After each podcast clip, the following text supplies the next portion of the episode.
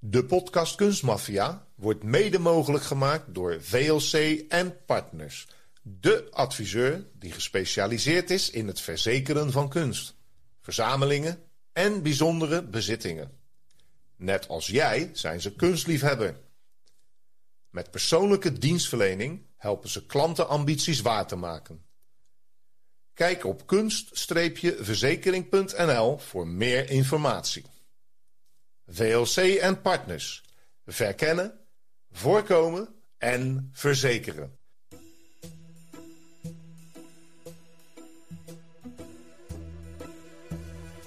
Als in 1944 een groep SS'ers plunderend en moordend door de Dordogne trekt, valt hun aandacht op een kasteel dat als twee druppels water lijkt op het Witte Huis in Washington. Wisten zij dat er in dit château tientallen impressionistische meesterwerken verstopt waren? En zo ja, hebben zij een meesterwerk van Van Gogh meegenomen?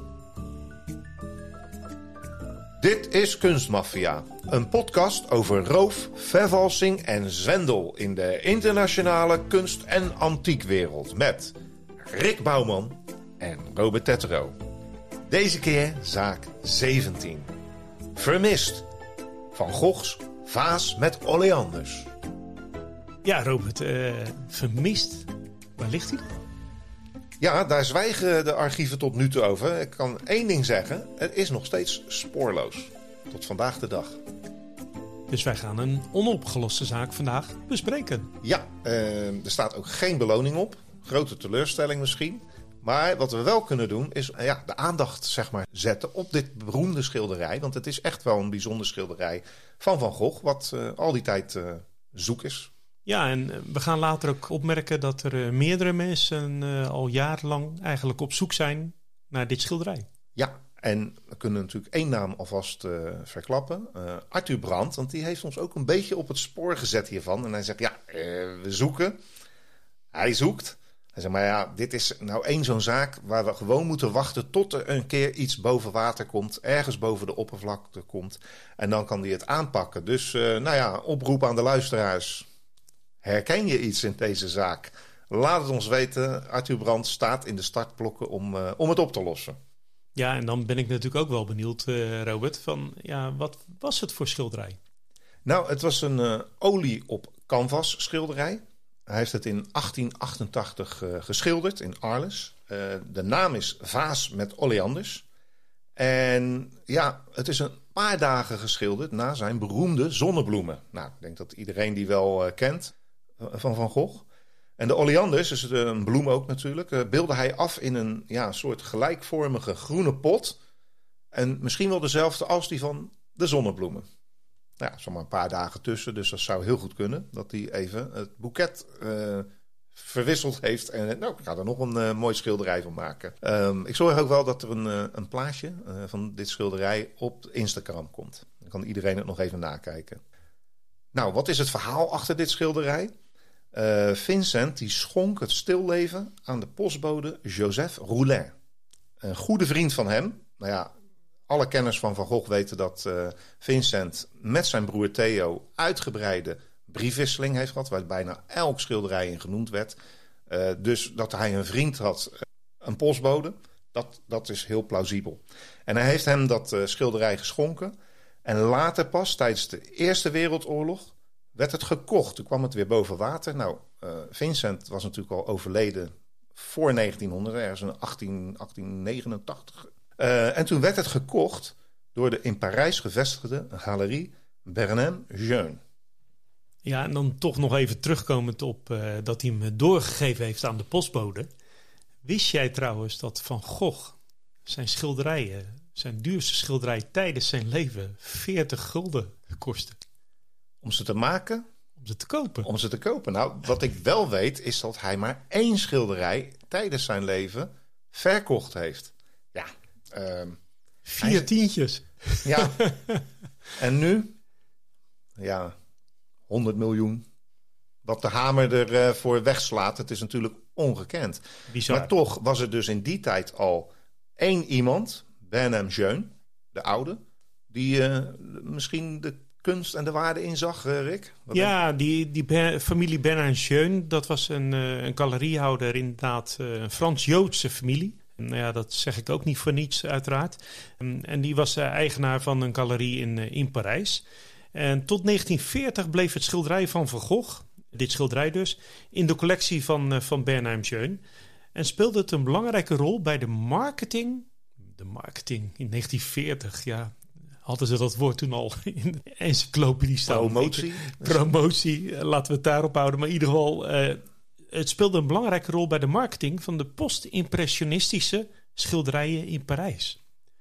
En denk hierbij bijvoorbeeld aan Degas, Gauguin, Van Gogh zelf Ja, en noem maar op. dus waarschijnlijk heeft hij het misschien altijd in zijn etalage laten staan van dit is het mooiste stuk wat ik heb. En er is nog veel meer van dit soort werk te koop van de verschillende ja, beroemde schilders. Nou ja, in 1901 organiseert deze oude Bernheim eh, met zijn zonen, Jos en Gaston, die dan al nou ja, 50, 60 zijn, die zonen, de eerste belangrijke tentoonstelling van schilderijen van Vincent van Gogh in Parijs. Dus we hebben er meer. En met de hulp van een kunstcriticus en de twee broers openen ze in 1906 hun eigen galerie gespecialiseerd in moderne kunst. Nou, we weten wat daar, eh, welke richting dat uitgaat natuurlijk. Ja, precies. De moderne kunst. Hè. In de oorlog eh, werd dat natuurlijk een, eh, een groot probleem. En als je dan ook nog van Joodse afkomst was, ja, dan eh, zat je helemaal in het nauw. Nou, in 1940, toen deze familie Bernheim-Schön aanvoelde dat zij met hun Joodse achtergrond het doelwit zou worden van het nazi-regime, verpakte de familie ongeveer 30 impressionistische schilderijen van hun collectie. Naast de oleanders van Van Gogh zaten daar ook werken tussen van Cézanne, zeven stuks, Manet, vier stuks en Renoir, ook vier stuks. Dat zijn niet de minste, Robert. Nee, ik denk dat zij de top van hun, eh, ja, wat zeggen, van hun, hun voorraad, zeg maar, eh, veilig wilden stellen natuurlijk. En ja, hoe doen ze dat? Die familie, die ja, bestelt gewoon een taxi. Ik mag hopen dat het een vriend van de familie was. Het zal niet zomaar iemand zijn van, eh, hier heb je 100 frank, rijd maar naar de Dordogne. Eh, maar ja, ze sturen een taxi met twee pakketjes van deze schilderijen die jij net noemde, eh, naar goede vrienden toe. En die wonen in een kasteel in de Dordogne in Zuidwest-Frankrijk. Dus het is nogal een rit. Het is geen goedkope rit geweest. Maar goed, de schilderij is ook niet goedkoop geweest, zullen we maar zeggen. En daar ligt Château de Rastignac. En Jacques Lauwiek, dat is eh, de eigenaar van het kasteel en een hele goede vriend van de familie. En die haalt die doeken uit de, eh, nou ja, uit frames, zal ik maar zeggen, uit de lijst. En die rolt ze op in twee verschillende plekken. En dan verbergt hij één set in een koffer met een dubbele bodem, die op de zolder wordt verstopt. En de andere eh, op de eerste verdieping in een divan. Hè? Dus een mooie luxe bank. Eh, niet om op te zitten, kan ik me zo voorstellen. En ja, goed verborgen in dat kasteel. En net op tijd, want in 1941 wordt de galerie van de familie door de nazi's in Parijs in beslag genomen. Nou, we hebben het verhaal bij Hartveld verteld, hè, hoe dat gaat, met een verwalter. Ehm, langzaam wordt natuurlijk alles onteigend en de aanwezige schilderijen worden geveld en in de galerie verkocht. En waarschijnlijk misschien wel naar Jeu de Paume, waar we nog een keer uitgebreid op terug gaan komen. Ja, Robert, maar dan wil ik toch ook nog even terugkomen op dat eh, kasteel, Château de Rastignac. Want dat lijkt overigens wel een kopie van het Witte Huis. Ja, bijzonder is dat, hè? Dat is heel bijzonder. En wat is er nou het geval? James Hoban, de architect van het Witte Huis, heeft die regio nooit bezocht. Maar Thomas Jefferson, de derde president van Amerika, die voerde veranderingen door aan dat Witte Huis. Want het Witte Huis bestond al eerder dan dit kasteel. En deze Jefferson heeft het Dordogne wel bezocht, want hij was ooit de ambassadeur van de Verenigde Staten in Frankrijk. En hij heeft waarschijnlijk toen de tijd de architect van dit château, de Resignac, heeft hij waarschijnlijk ontmoet. Het kasteel was toen nog niet gebouwd, maar de tekeningen die waren wel al klaar. Maar vanwege de revolutie in 1789 is dat op de lange baan geschoven. En is pas eigenlijk 20, 25 jaar later zijn ze er echt aan begonnen. Maar de tekeningen waren al beschikbaar. Dus waarschijnlijk heeft Jefferson die tekeningen van deze architect gezien. Of meegenomen. Meegenomen. En heeft dus eigenlijk aan het Witte Huis ook die bekende halve maan buitenkant laten bouwen. Een beetje een kruisbestuiving misschien. Ik denk het. Ja. Ik denk het. Dus het een heeft het ander beïnvloed. Ja. Maar in ieder geval, het lijkt er sprekend op. En, uh, maar goed, uh, nu uh, wordt het grimmig, het verhaal. Want ja, het lijkt dat alles goed gaat komen. De, de oorlog duurt voort. De tij kent het. En de Duitsers beginnen zich la, ja, toch langzaam terug te trekken. En in 30 maart 1944, bij het château, ehm, wordt een Duitse eenheid, een SS-eenheid, de Bremer Divisie, een slechte reputatie, maar dat gaan we gelijk horen, aangevallen door het Franse verzet in de streek. En nou ja, dat laten die Duitsers, ook al zijn ze zich aan het terugtrekken, niet gebeuren. En ze vallen het dorp binnen waarbij het uh, kasteel in de buurt staat. En nou ja, daar schieten ze de burgemeester dood. Maar ze vinden ook nog een keer 35 ondergedoken ja, Joodse mensen. Waarvan er een aantal worden geëxecuteerd en een ander aantal wordt gedeporteerd. En dan valt hun oog op dat kasteel. En dan denken ze, nou, uh, plunderen die hap, want uh, we hebben toch vrachtwagens bij ons. En dat doen ze dan ook. En volgens een aantal lokale getuigen worden er vijf vrachtwagenladingen met spullen uit het château gehaald. En vervolgens steken de SS'ers het in brand. Ja, en ze gooien zelfs fosfor in het vuur om, om het te versnellen, de hele brand. En niet alleen dat château blijft dagen branden. Nee, het koetsenhuis gaat tegen de vlakte. Uh, de stallen worden vernietigd. Echt, elk bijgebouw is platgegooid. En de vraag is, waarom met zoveel haat en zoveel uh, moeite alles tegen de vlakte? En nog grotere vraag is, hebben ze die schilderijen meegenomen of niet? Hebben ze die gevonden, Rick? Wat denk jij? Nou, er stonden natuurlijk een aantal uh, vrachtwagens hebben voor de deur gestaan waarin allerlei spullen zijn vervoerd. Uh, waaronder ook allerlei meubilair. Heel uh, authentiek meubilair en ook uh, zeer zeldzaam meubilair. Lodewijk de 14e meubilair. Dus dat zal ook wel wat opgeleverd hebben voor die Duitsers. Maar of ze de schilderijen meegenomen hebben, dat is dus gewoon onbekend. Maar er zijn wel een tweetal dames, tientallen jaren later, geïnterviewd. Die waren toen inmiddels al op leeftijd, maar in de oorlog waren ze rond de 15 jaar.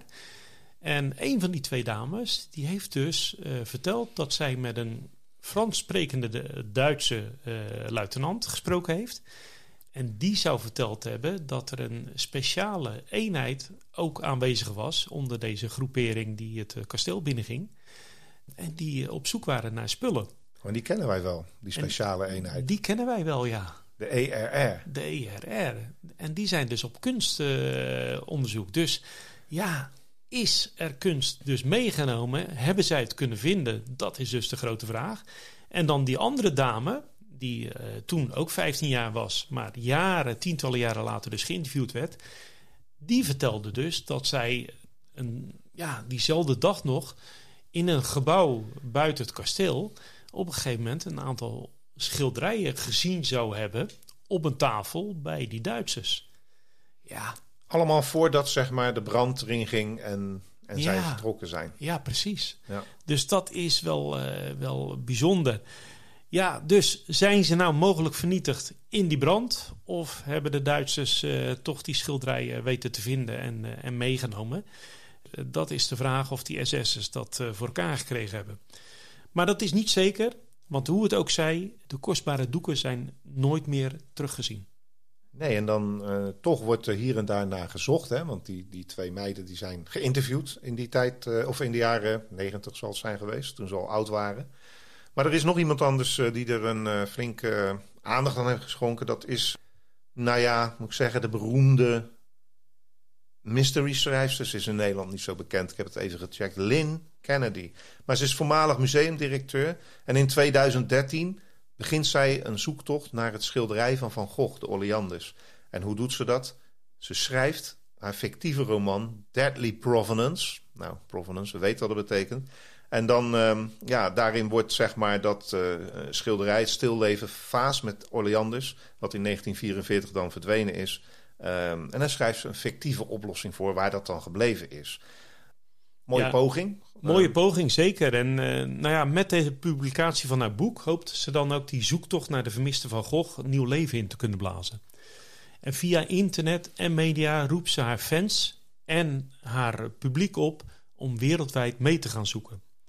Nou, iedereen die iets weet van het verloren schilderij wordt dan ook dringend verzocht contact met haar op te nemen via haar uh, eigen website.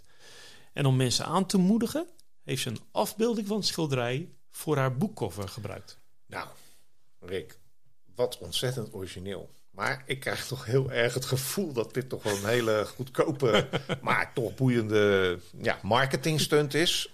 Daar komt die marketing weer. Ja, die komt die terug. Maar nu ja, toch wel van, nou mensen, ik zoek het schilderij. Koop vooral het boek en dan heb je alle aanwijzingen. Oké, waarom niet? Het mag.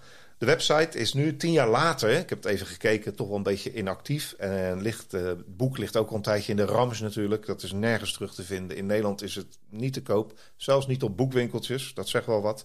Ja, en in de trailer, ik weet niet hoe goed die is, maar dit komt van de achterflap. Uh, vindt de heldin van het verhaal een ongewoon scherpe foto van de schilderij in het huis van een vermoorde vrouw, wiens grootvader een nazi is. Een ex-nazi. Nou, toen dacht ik, is eigenlijk opgelost. Die heeft natuurlijk bij die brigade gezeten. Maar ja, goed, uh, ik heb het verhaal verder niet gelezen, Rick. Nee, en ik, heb zelf nog uh, even teruggekeken ook. En ik heb nog een aantal uh, interviews van haar gelezen. Maar eigenlijk krijgen we nergens meer informatie over de SS-aanval. En ook niet over de mogelijke diefstal van, van deze kunstwerken. Dus al met al heeft deze stunt nog niet opgeleverd waar wij zo naar verlangen. Nee, maar toch, toch heeft Lynn Kennedy wel het Jeu de Paume Museum in Parijs uh, uh, opgezocht. Waar heel veel nazi-kunst uh, zeg maar, werd verzameld en doorgevoerd naar Duitsland. We gaan daar in een komende podcast nog uitgebreid over hebben. Dus veel schilderijen zijn verdwenen. Maar de Oleanders van Van Gogh, heeft zij dat dan van wel uitgezocht, die zijn daar nooit doorheen gekomen. Want dat is vrij goed bijgehouden door een dame, Roos Valland. Uh, en daar komt een aparte podcast over uh, binnenkort. Uh, maar goed, daar zat het dus niet tussen. Um, evenmin is het niet teruggevonden in de kastelen, de zoutmijnen en alle depots die in de grote plaatsen in Duitsland zeg maar, zijn verborgen met, met ja, tienduizenden stuks aan kunst. Voor degene die dit nog even na wil kijken, www.linkennedymysteries.com. En Lin schrijf je dan met een Y-N-E. En dan mag je verder zoeken. Ja, Robert, maar dan heb ik toch nog iets teruggevonden waarvan ik dacht van... hé, hey, het kan dus wel. Van Goghs schilderij Zonsondergang bij Montmajour... die maakte in 1890 nog deel uit van de collectie van Theo van Gogh. En in 1901 werd het verkocht... En in 1970 dook het doek op in de collectie van de Noorse industrieel Christian Moestad. Het had al die tijd op de zolder gelegen. Misschien is er dan toch nog een kans dat de vaas met Orleandes teruggevonden wordt.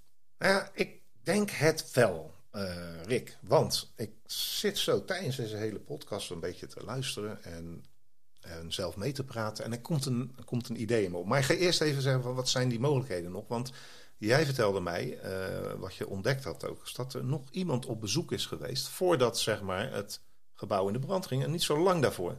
Ja, op, op 30 maart 1944 was dus die uh, Duitse inval in het uh, kasteel. Maar tien dagen daarvoor is Odette Bernheim, een van de kinderen van de Bernheims, is nog naar het kasteel geweest. En nu wordt er gesuggereerd van, ja, wat is er nou met die schilderijen gebeurd? Nou, ten eerste, de mogelijkheid is er natuurlijk geweest dat het in de brand gestoken is althans mee verbrand is met het uh, kasteel en, en verloren gegaan is. De tweede mogelijkheid is, het is in die vrachtwagens gegaan door de Duitsers en meegenomen naar Duitsland. Zal wel weer voorkeuring geweest zijn. Hoogstwaarschijnlijk, weet ik eigenlijk wel zeker. En de derde mogelijkheid is dat het wellicht tien dagen voor die inval van de Duitsers door deze Odette Bernheim wellicht al meegenomen is. Maar dan heeft ze er niks mee gedaan. Ja, en dat blijft natuurlijk een uitdaging van waarom niet? En waarom is er nooit meer wat over gehoord? Ja, dat is waar. Nou Rick, ik heb nog een uh, uitsmijter. Eigenlijk voor de luisteraar. Want we hebben net verteld, hè, er is een, uh, een koffer met een dubbele bodem stond boven. Maar wat nu? Als je na de oorlog op een prachtige divan zit, die meegenomen is in een van die vrachtwagens, zoals een prachtig stuk meubel van Louis XIV, zei je. Wie weet zit daar nog een Van Gogh in en een Cézanne en een Renoir. Want, en niemand die dat weet. Dus kijk niet naar de schilderij uit, maar kijk naar die divan. En misschien moeten we nog even uitzoeken, Rick, hoe die divan er precies uitgezien heeft. Daar moeten we even naar op zoek. Maar dan geef ik ook nog even aan. Van stel nu dat je op je zolder van je grootouders ooit een keer een koffer meegekregen hebt. En dat die nog steeds bij jou op zolder ligt. Kijk dan even of er niet toevallig een dubbele bodem in zit. Ja, ja Erik, we hebben nog wat mogelijkheden. En uh, nou ja, we gaan kijken wat eruit komt. Luister jij graag naar Kunstmafia en wil je Rick en Robert ondersteunen? Ga dan, als je wat kan missen, naar fooiepot.com slash kunstmafia. En geef daar een digitale fooi. Dus fooiepot.com slash kunstmafia.